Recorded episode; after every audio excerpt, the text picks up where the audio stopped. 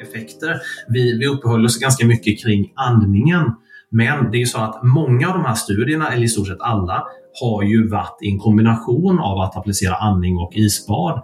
Men om man bara kollar på att utsätta sig för kyla så är ju en av de markanta effekterna att du sänker inflammationen i kroppen.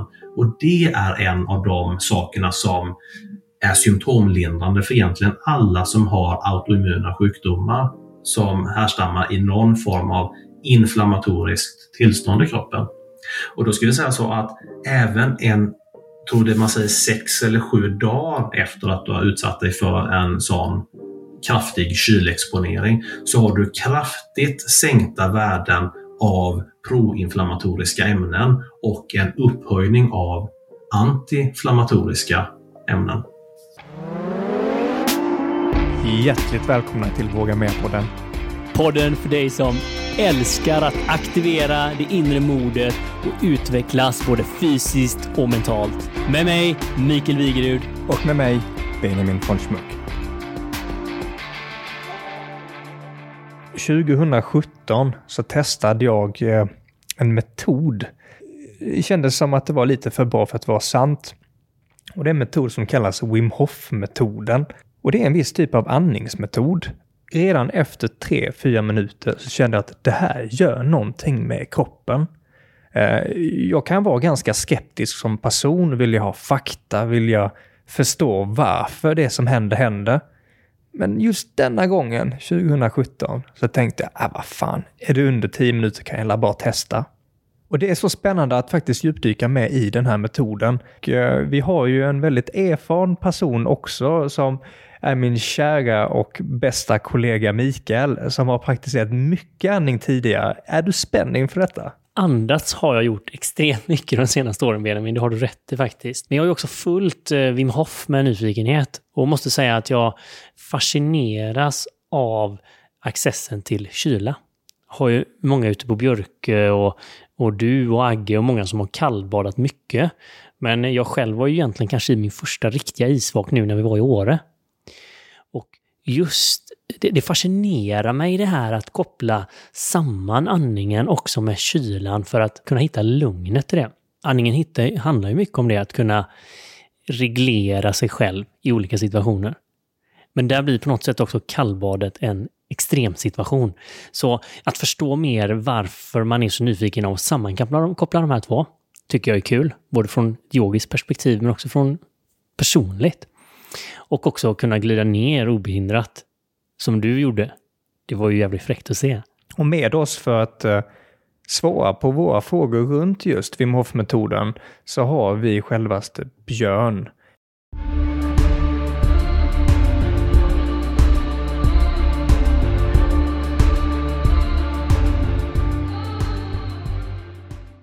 Ni som har följt oss på sociala medier har ju sett att jag och Benjamin har varit ute på lite kallare äventyr det senaste och eh, Karl Agge har ju eh, guidat oss i Jämtlands isvakar.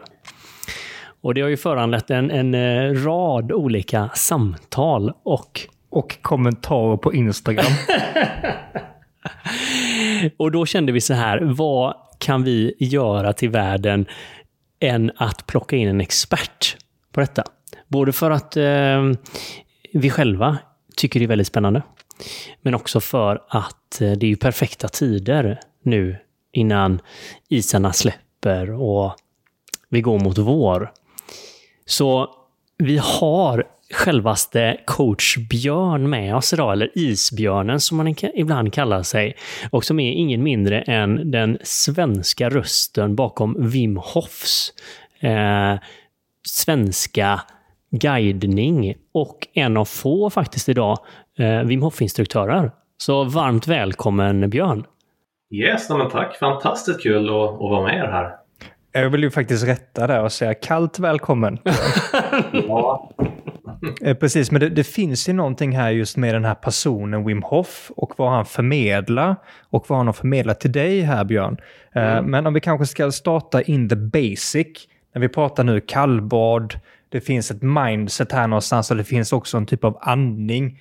Eh, hur, hur syr man ihop säcken här till att, för någon som aldrig har ens hört detta ska förstå det. Eh, Wim Hof-metoden är ju en paketering alltså av Wim Hof själv så att det är han som har namnsatt det hela.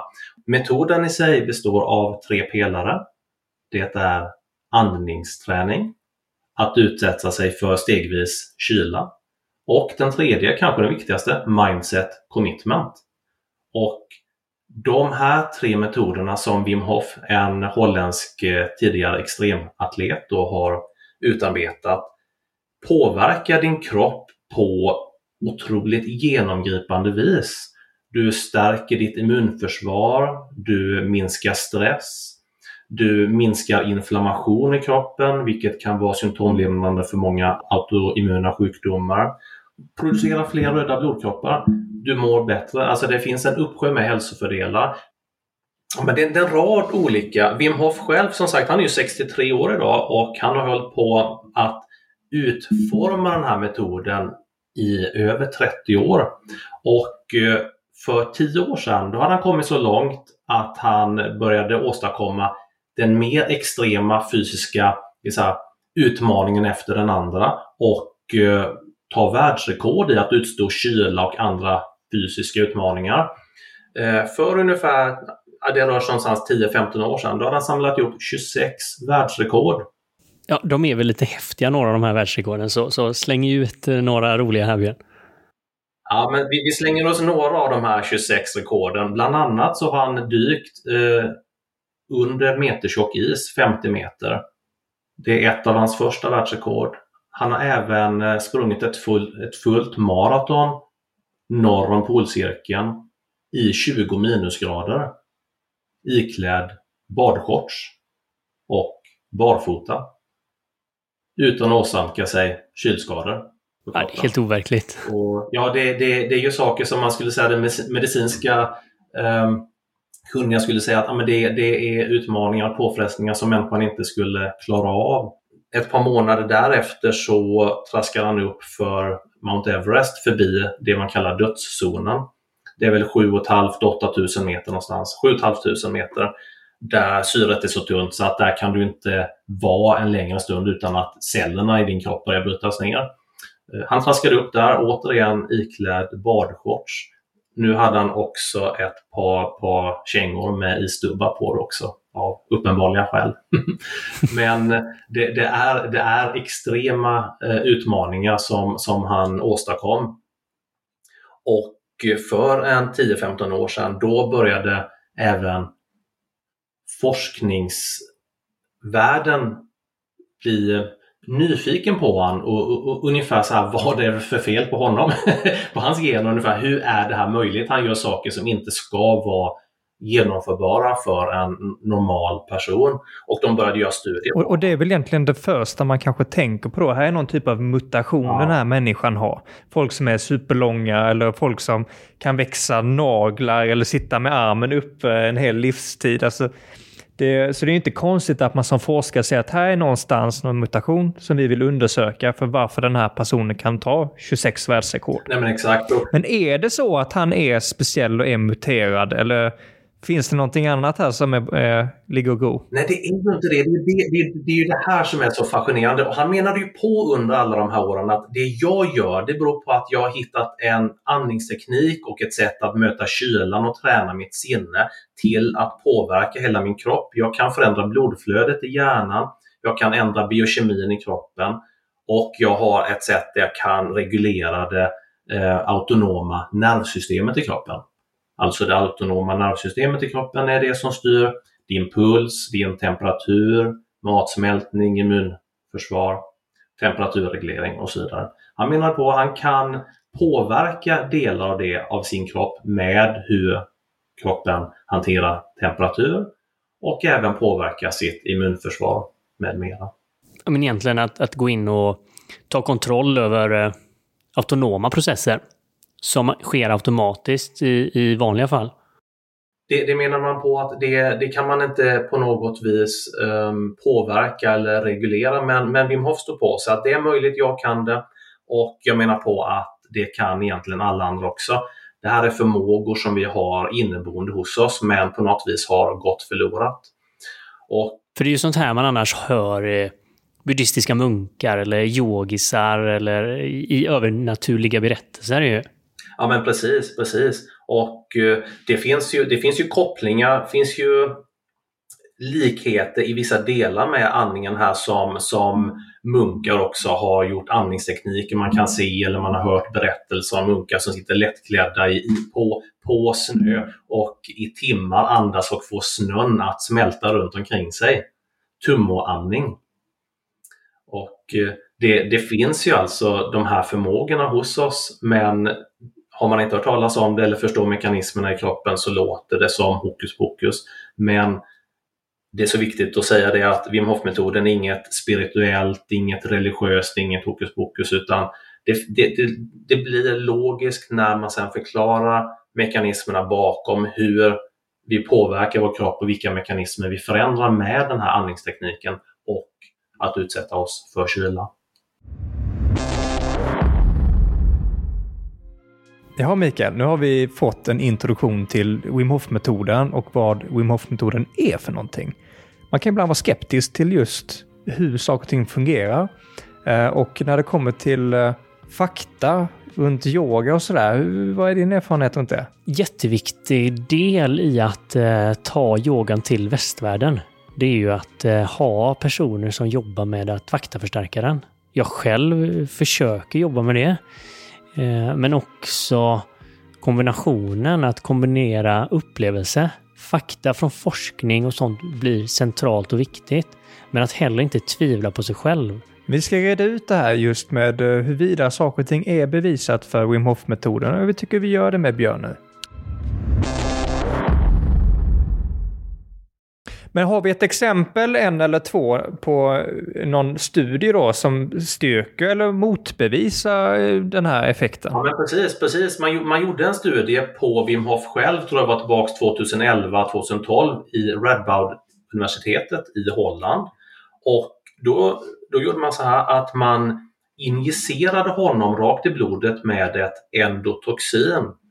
Och ett endotoxin det är egentligen en lösning med, med en lipopolysackarid. Nu låter det här jätteinvecklat, men det är egentligen skalet av döda bakterier som har den här effekten på en välmående hälsosam person att deras immunförsvar går bananas, det slår i taket. Och eh, man har använt eh, ett sånt här endotoxin i andra olika studier för att se hur en människas immunförsvar reagerar och fungerar.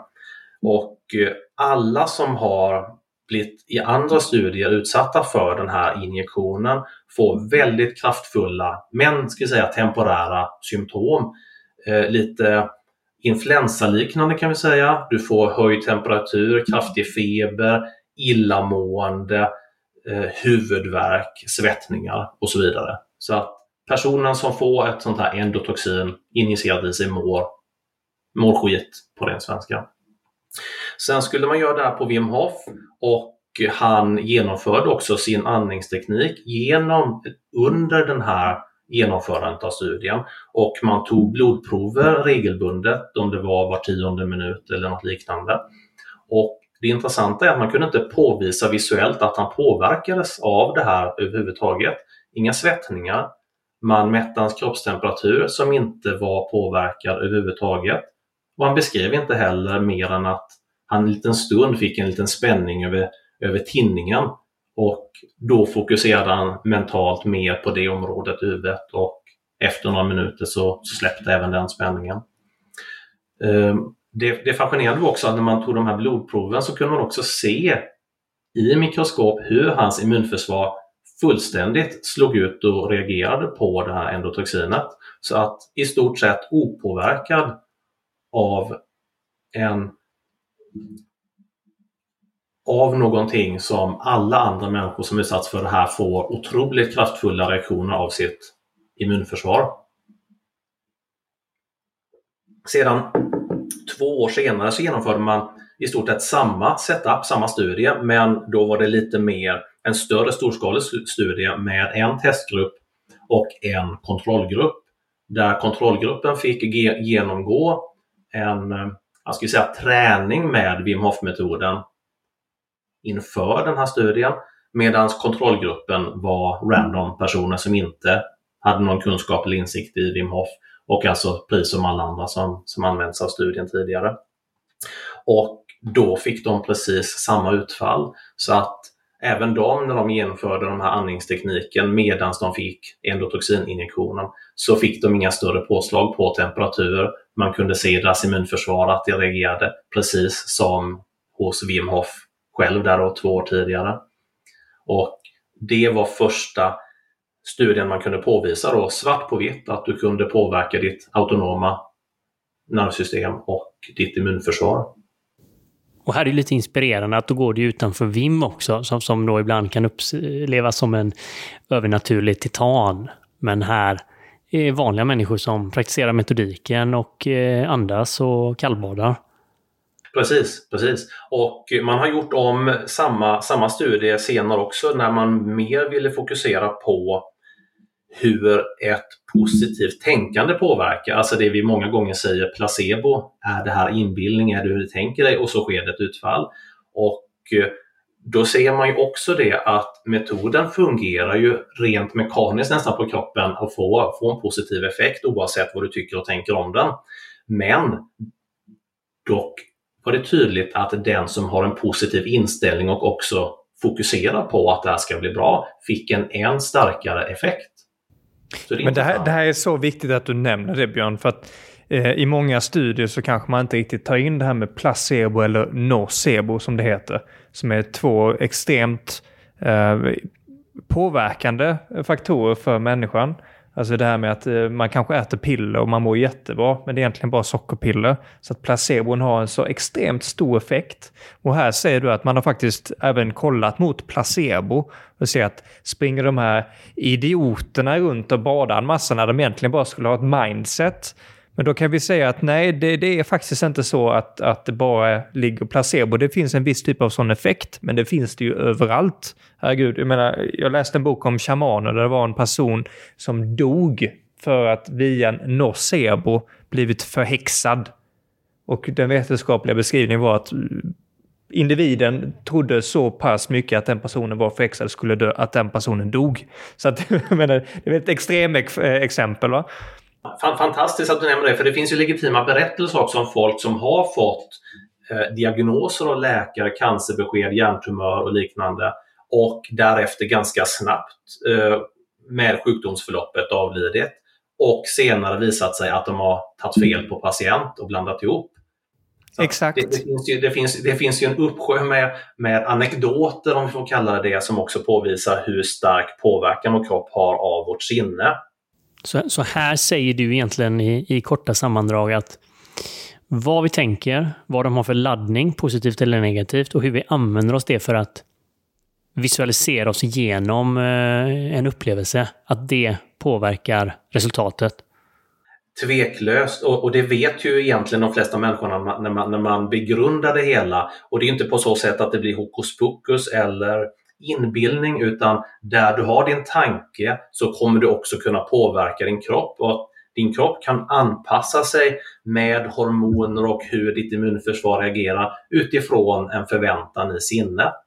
Placebo spelar en effekt men man såg mätbara resultat, stora mätbara resultat, även för gruppen som inte utsattes för placebo. Jag vill förtydliga två saker egentligen. Att dels så, så metoden kan tydligt påvisas att den inte har med placebo att göra. Men däremot är ju mindset commitment en av de tre pelarna i metoden. Det vill säga det är ändå också viktigt hur, vart du har dina tankar och ditt sinne utifrån hur din kropp kommer hantera en stressig situation till exempel. Och Det har man också gjort en studie på. Jättekul. Man stoppade ner Vim själv i en, en kyldräkt så att de kunde reglera temperaturen runt hans kropp samtidigt som man kunde göra en hjärnskanning och se hur beter sig hans hjärna och andra personer när de utsätts för kyla beroende på vart de har sin tanke. Vad fokuserar de på? Och man kan väl säga så här att en människa, Vim eller någon annan som utsätts för kyla och inte har något fokus någonstans, då blir det som ett virvar av reaktioner i hjärnan och eh, ja, in, in, inget, inget specifikt som man kan utläsa. Men sen när man har fullt fokus enligt metoden på sin andning och fokuserar på det så var det helt plötsligt två områden i hjärnan som lyser upp som, som, lamp, som glödlampor nästan. Och det är dels området insula, tror jag det heter, som är ett, ett centrum för självkännedom, självupplevelse, att du är medveten om dig själv. Och den andra är PAG, Paraacodactyl Grey på engelska. Jättekrångligt ord. jag tror det, det blir grå massan kanske eller något sånt där enkelt på, på svenska, men som är ett centrum i hjärnan för att reglera smärta. Det har också visat sig att PAG kan utsöndra cannabinoider och opiater för oss för att hantera smärta. När du hade fokus på din andning så aktiverade de här centrarna VIM eller någon annan. Men om du inte har fokus, då blir det ett virrvarr i hjärnan och du aktiverar inte det här centret som hjälper dig att hantera den här säga, obehagliga upplevelsen. Ja, för det är väl någonstans där som jag tänker att mycket av det här intresset som du säger, att man blir förknippad som galen om man går ner och badar i, i kallt isigt vatten. Och kan man då njuta av det så är det ännu mer märkligt. Och kan det hänga ihop med det här Björn, som du säger, att, att de flesta som har någon relation till det, det är den här känslan av kaos, panik, eh, triggers till max. Ja men precis, och det, det är så många delar hur, hur, hur, du bemöter kyla. Jag, jag hade isbadat en gång innan jag testade på för tre år sedan och det var i, i det militära när vi gjorde grundutbildningen. Då blev man ju mer ihystad i vattnet och sen fick du komma upp när du kunde prata igen. och Det är väl motsatsen till hur vi hanterar i Wim Hof, att där, går du, där möter du det här otäcka med egen inspiration och vilja. Du har förändrat hela din eh, så hormonella nivå, balans i kroppen, du har gjort andningsträningen, du har ändrat din biokemi, du har ändrat pH-värde i kroppen, du är fysiskt förberedd. Du vet också vad som kommer hända. Vad är det för, eh, vad är det för känslor du får fysiskt i kroppen? Eh, som ni beskrev där med, med andningen, att det till exempel kan börja pirra lite i fingrarna. På samma sätt så får du en uppsjö med effekter i kroppen när du går ner i kylan. Och du vet då vad du har att förvänta dig. En av de mest tydliga sakerna som, som, man, som jag som instruktör får uppleva på, på workshopparna när jag guidar deltagarna, det är ju den här tröskeln i isvatten som händer efter cirkus 30-40 sekunder. Att först när du går i så är det väldigt intensivt. Men din kropp kommer ju göra allt för att hjälpa dig så att den kommer pumpa ut massa välmående hormoner. Du kommer kicka igång noradrenalin. Dopamin kommer kicka igång. Du kommer ha utsöndring av smärtstillande ämnen som cannabinoider och opiater. Det är alltså grejer som din hjärna kan utsöndra själv. Men det transporteras med blodflödet. Det är inte som nervsystemet som går på en bråkdel av en sekund, utan det sker med blodflödet och det tar 30-40 sekunder innan det hinner ut i kroppen. Det, så, det, är så, det är så intressant du, du, du, säger det, för att jag har experimenterat med kallbad, jag har gjort det med Pagge under en, en längre tid. Eh, men inte kanske riktigt så här satt mig in i vad det är som händer eller hur man ska göra utan det har mer varit så här, stig i, sitt i, andas lugnt. Okej, okay, nu någon gång så känns det som att det är läge att gå upp och så går man upp. Du, du sa de magiska orden andas lugnt. det är där nyckeln är va? Ja, ja. Nej, men det, det, det är egentligen det enda som, eh, som man behöver tänka på för att du aktiverar vagusnerven i din kropp. Det är en del av centrala nervsystemet som om du andas lugnt, andas framför, framförallt ut sakta, så aktiverar du din vagusnerv som gör att din kropp lugnar ner sig. Man kan testa det, bara ställa sig upp och ta sju långsamma utandningar så kommer du märka att din puls kommer sänka sig 10, 20, kanske 30 slag i minuten. Om det fortfarande finns tvivel på metoden så måste jag säga så här. Jag som själv är kritiker, bara testa det. Jag vet att du har sagt det vid flertal tillfällen Mikael att Just fucking do it man. Nej, men alltså, det, det bara... Jag trodde du skulle säga att jag skulle konfirmera att du är kritiker. Ja, nej, det, det har redan, har redan gjorts. Men eh, det är lätt hänt att man fastnar på nätet eller på mobilen och googlar. Stämmer det, stämmer det inte? Och gärna med negativ googlingsklang, men bara, bara testa det. Give it a try.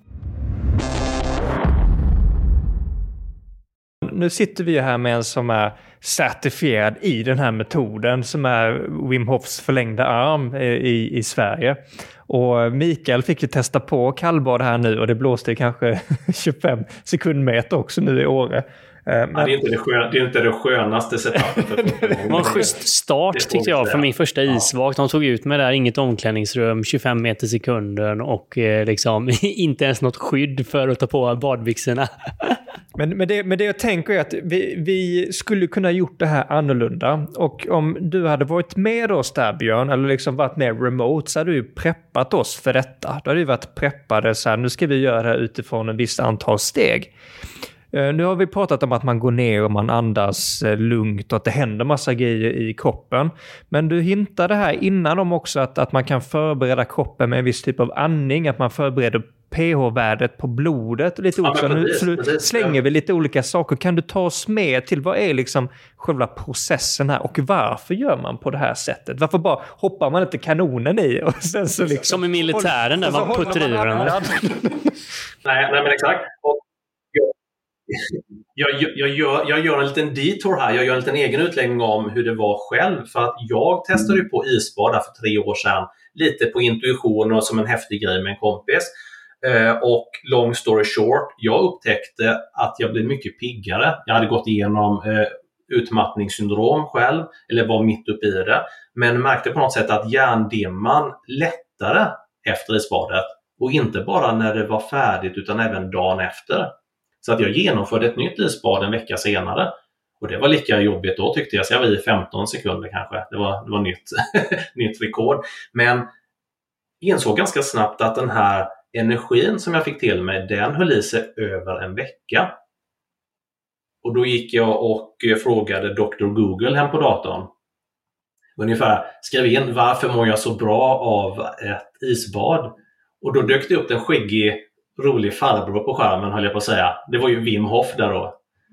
Väldigt, väldigt unikt utseende och han beskrev sin metod och att det fanns fler dimensioner kring det här, framförallt med andningen för att förbereda det också för kylan.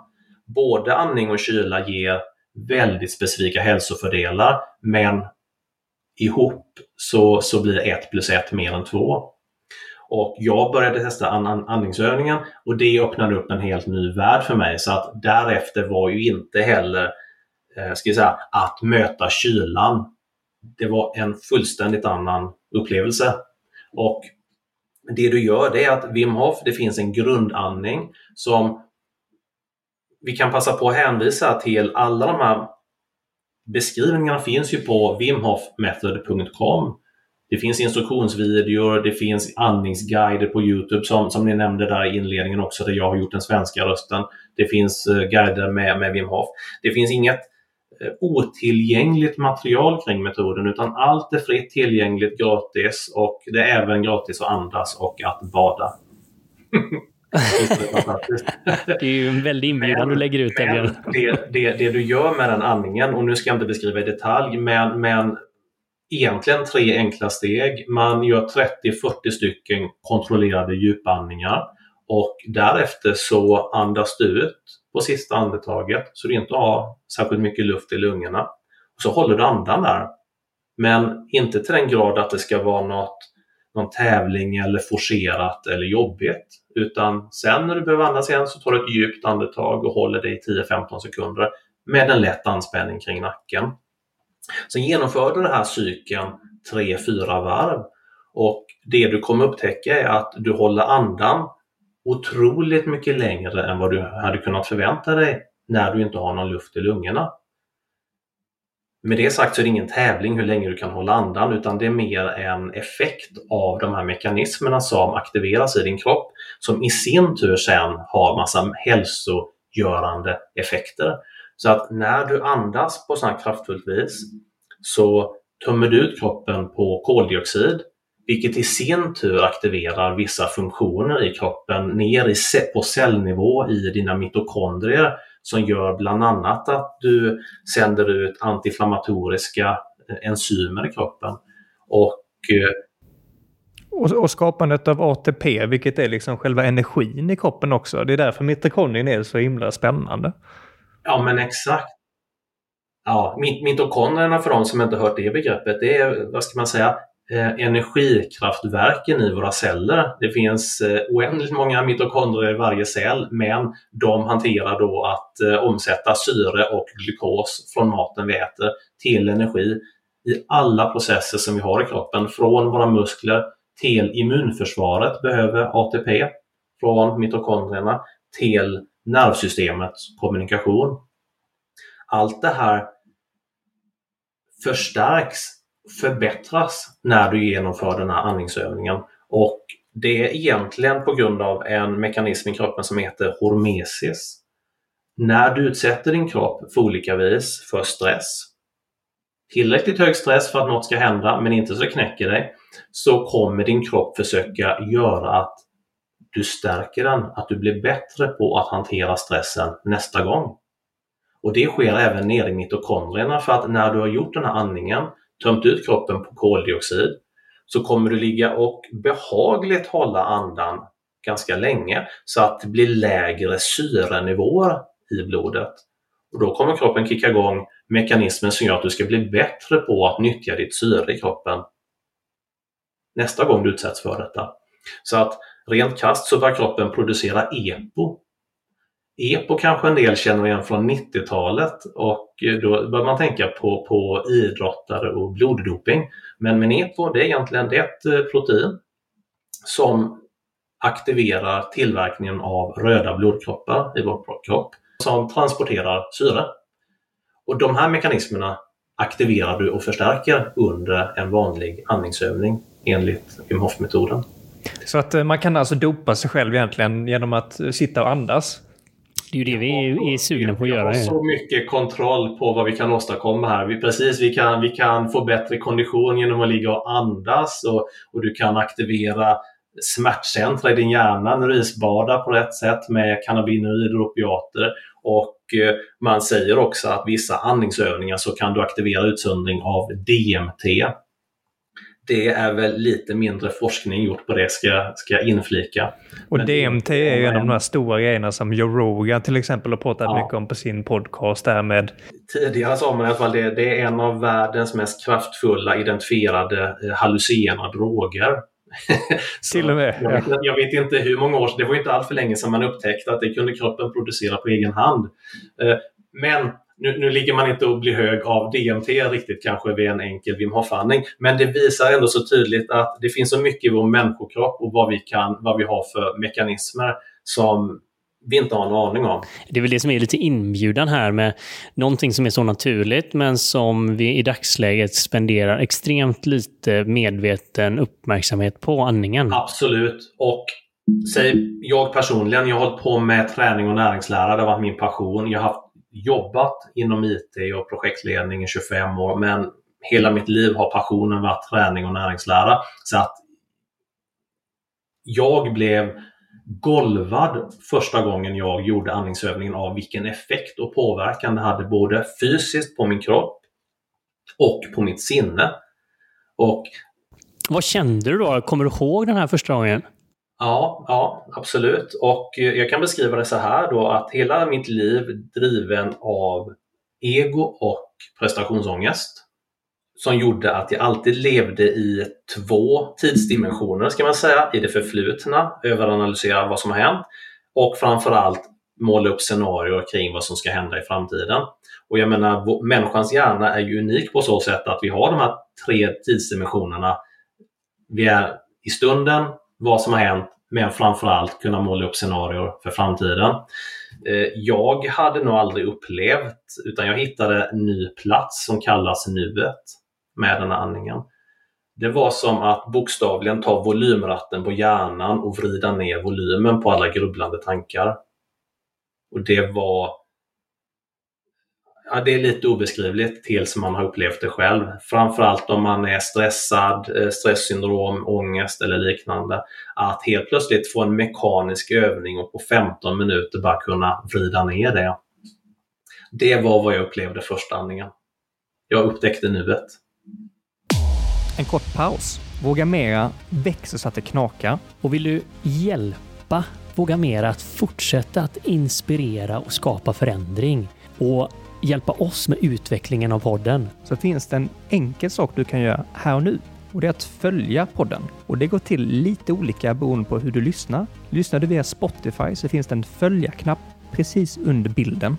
Och lyssnar du till exempel via Apple Podcast så finns det ett plus uppe i högra hörnet. Så tryck där så är du alltid uppdaterad när nästa avsnitt kommer ut. Och givetvis fortsätt att vara den inspiratören du är.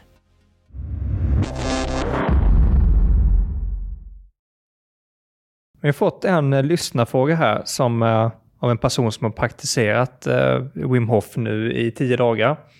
Eh, som kanske jobbar med det här Fan, jag vill kunna hålla andan längre. Eh, jag kanske har lite stress. Det kan vara olika saker som påverkar, men jag är inte säker på att jag andas rätt.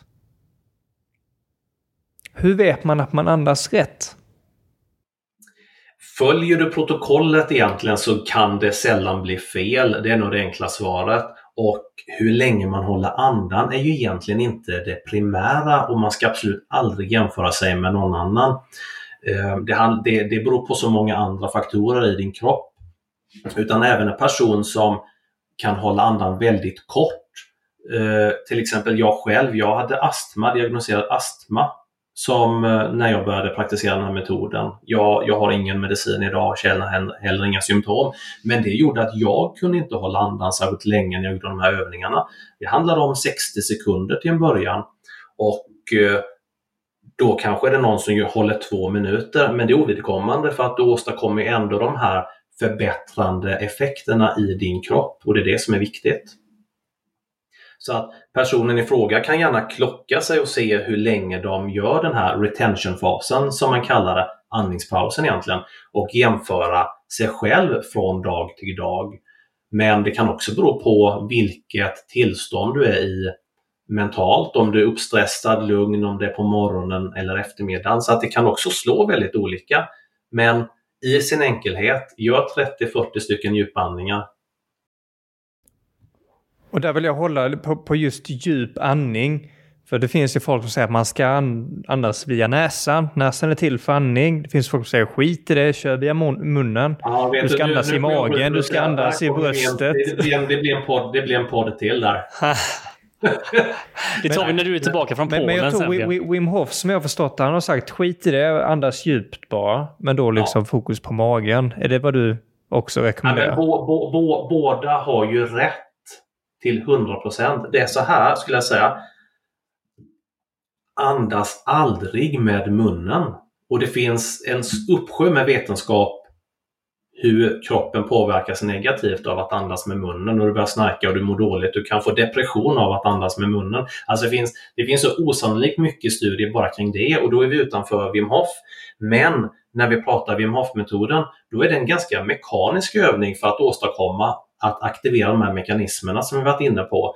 Att då ska du bara tömma din kropp på koldioxid i kombination med den här andningspausen och en lätt anspänning i 15 sekunder efteråt som aktiverar det. Och då är det lite förenklat som Wim säger, bara få in luften och få ut luften. Eh, däremot om du är nybörjare i metoden så då förespråkar vi alltid att man använder näsan för att det, det upplevs som att du får mer kontroll på din andning när du använder näsan. Så att det är att föredra. Men är du sen bekant med metoden och eh, praktiserat den ett tag, då, då kommer du upptäcka att du får in mer luft snabbare när du andas med munnen. Och här pratar vi alltså 15-20 minuters träning. Och då spelar det ingen roll. Då, är det, då kan man likväl använda munnen eller till och med föredra, gör många. Men de andra 23 timmarna och 40, då är det tydligt, Björn. Ja, men då, då låter ni bli. Då, då, då får ni tejpa för munnen, höll jag på att säga. Men, men det, det tror jag är en väldigt eh, fin inbjudan till många att bara börja notera var man andas någonstans. Andas jag med munnen eller andas jag med näsan? Och som du säger Björn, då får man tejpa för munnen. Det har ju varit en liten trend också. Men man behöver inte börja med det direkt. Men det är väldigt intressant att se eh, vad man gör när man är vaken och kan vara medveten och påverka, men kanske också vad man gör i sömnen när man är omedveten och kanske lite autonom fortfarande. Ja, men precis. Nej, men det, det, det, det här resan jag själv har gjort personligen med att upptäcka andningens påverkan och utbilda mig till Wim Hof-instruktör, det har ju gjort att man själv har fördjupat sig i och blir nyfiken ytterligare på andningen. Och det, det finns som sagt en uppsjö. Om jag får nämna någon bra bok som man kan förkovra sig i så är det med James Nestor och Anders Olsson, en, en svensk eh, otroligt kunnig in, inom andningens värld och hur den påverkar vår kropp. Så att den skulle jag rekommendera om man vill fördjupa sig i hur andningen påverkar. Har det här gett svar till lyssnaren, känner du Benjamin? Ja, men jag tycker att vi, vi, vi, vi har kommit en bra bit. Uh, min andra fråga som är lyssnarfråga från mig själv. det räknas inte som lyssnarfråga, Benjamin. Det, det, är just, det, det, är just det här att um, ofta när man börjar någonting så är den största utmaningen att finna rutin. Men också att hålla någonting längre. När man börjar springa till exempel, ja, slutar man springa efter ett tag så eh, då blir konditionen sämre. När det kommer till just den här andningsmetoden, om man kallar det Wim Hof-metoden. Um, hur ofta behöver man göra det? Om man slutar upp, slutar allt positivt som man har gjort med kroppen då? Eller hur fungerar det runt det där? Nej, men det är jätteviktigt det du tar upp. Och det är ju som vi säger den tredje pelaren mindset commitment. Det är egentligen två delar. Mindset, det är ju vad du har tanken och hur du bemöter stress eller jobbiga situationer, hur du möter utmaningar.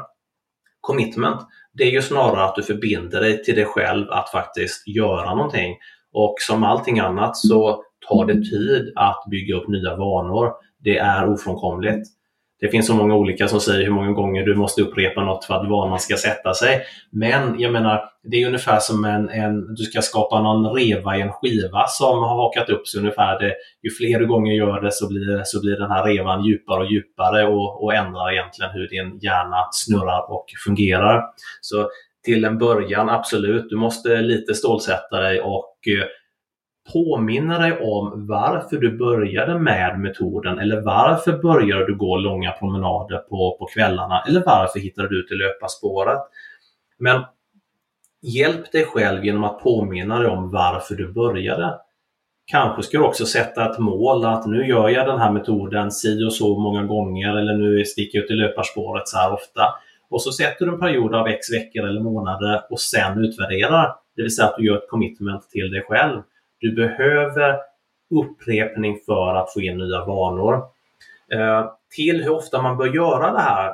Det finns inga strikta förhållningsregler om man säger. Du, du kan göra andningsövningen flera gånger om dagen om du känner att det ger dig. Du kanske börjar dagen med en andningsrunda.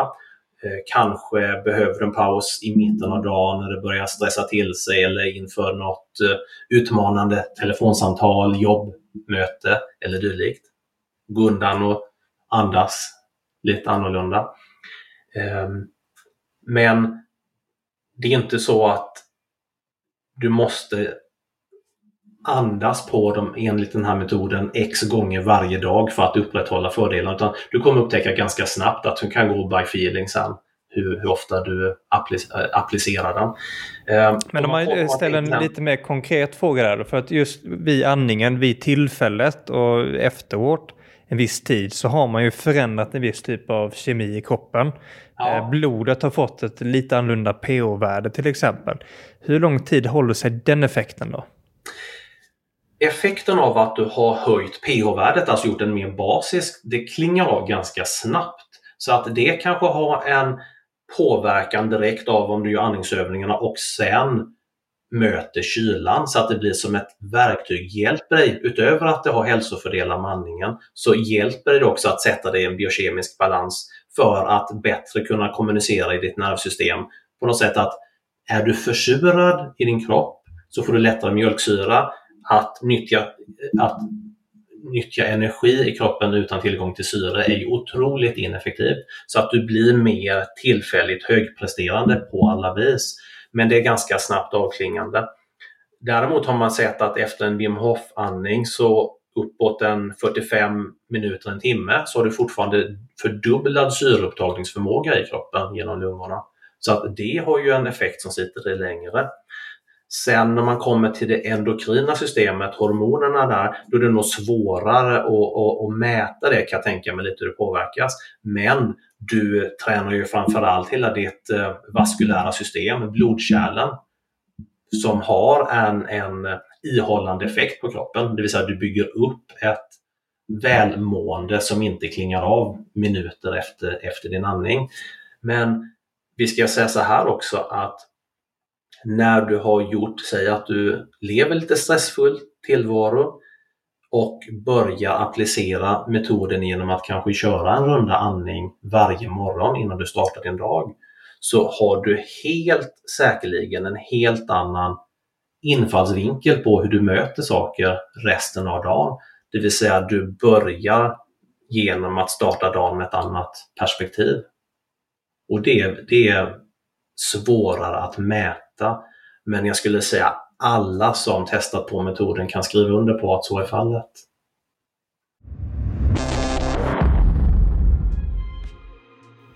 Det allra häftigaste är ju när man själv kan se resultat i sitt eget liv, oberoende av någon utifrån. När jag tittar tillbaka på vad yogan har gjort med mig sedan starten för sex år sedan, så är ju resultatet overkligt.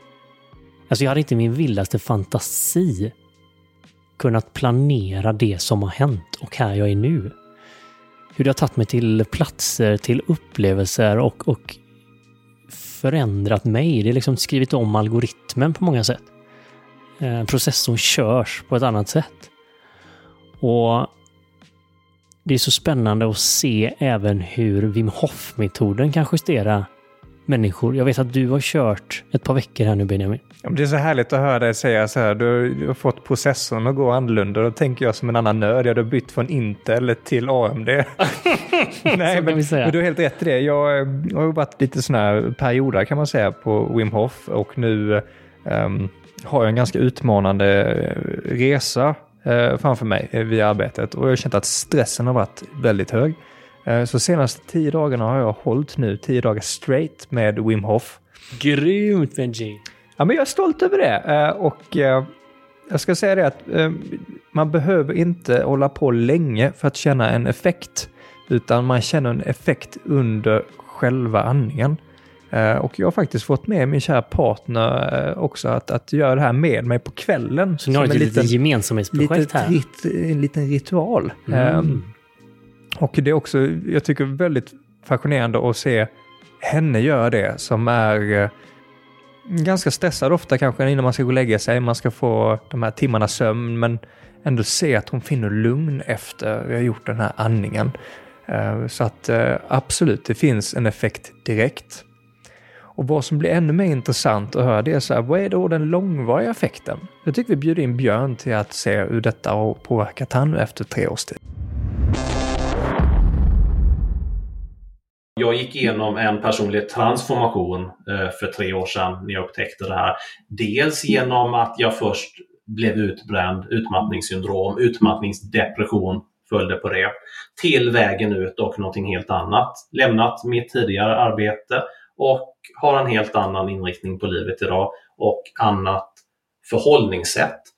Ehm, det blir mer flummigt att försöka beskriva hur det här påverkat en men man har ett helt annat perspektiv på tillvaron och vad som är viktigt. Och Jag tror också om man, hur man ska beskriva det att jag känner mig närmare andra människor genom det som jag har upptäckt med andningen och eh, kommit närmare mina egna tankar och eh, känslor.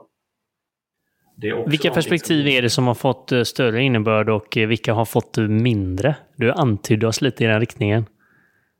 Nej, men det här med, med, med ego och prestationsångest så tror jag att jag värdesätter andra saker och allt kopplat egentligen till att vara i nuet.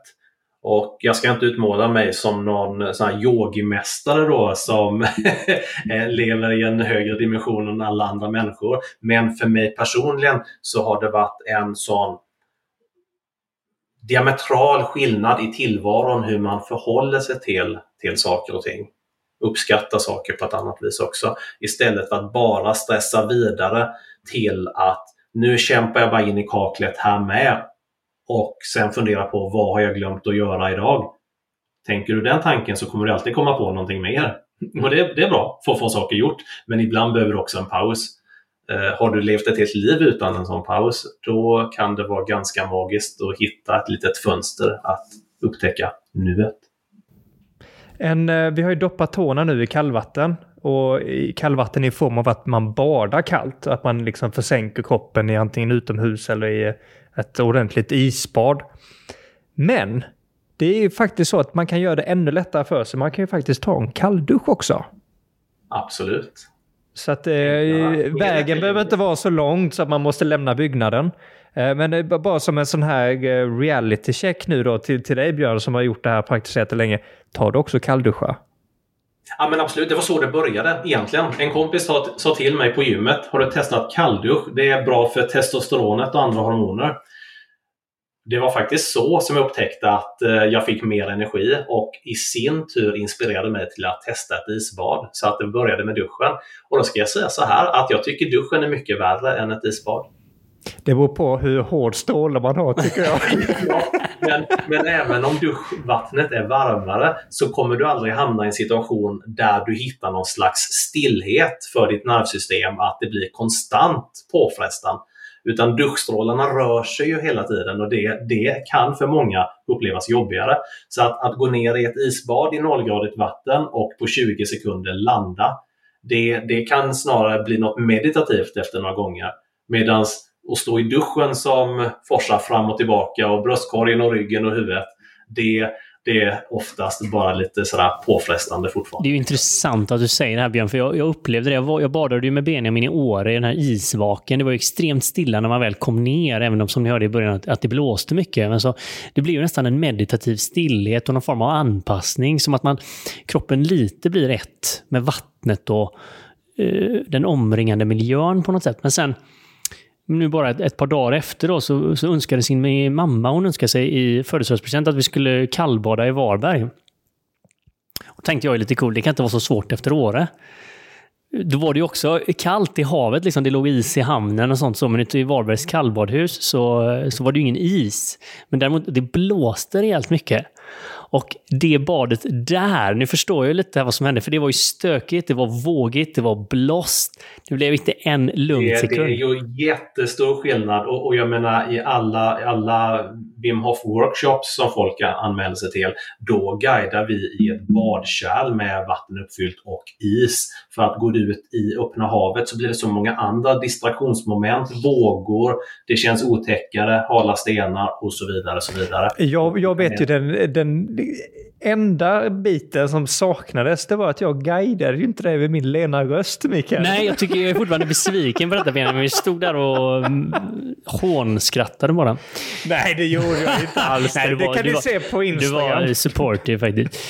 Nu har vi ju en kanal här eh, att, att eh, nå just metoden men också träningen runt det här och det är via dig Björn.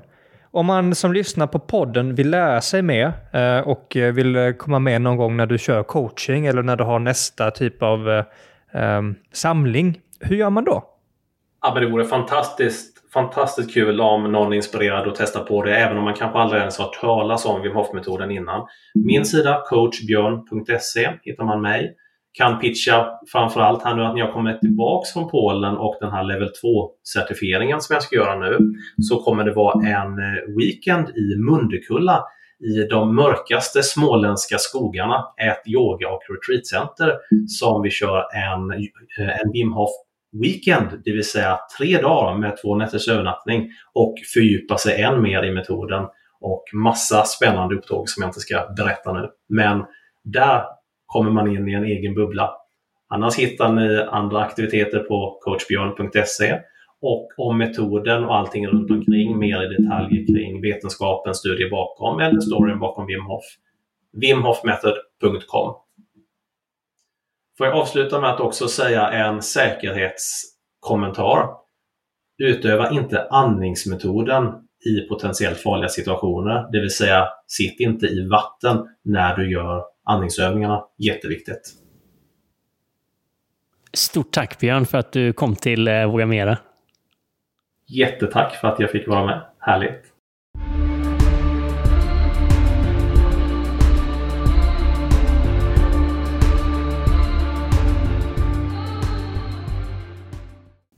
Nu har vi ju djupdykt i det kalla vattnet och eh, fått en beskrivning till en metod som vi har lite grann känt och klämt på och testat. Min fråga till dig nu Mikael är så här, jaha, blir det mer kallbad i framtiden? Lyckligtvis så tittar jag ut genom fönstret här i studion så ser jag att det töar väldigt fort Benjamin. Eh, nej, men jag känner faktiskt att eh, jag känner mig väldigt inspirerad. Att, att få gå ner i det här lugna isvaken. Att eh, hitta den här connectionen med stillheten även under kyla. Det har jag gjort i andningsövningar, jag har gjort mycket i Indien och sånt så.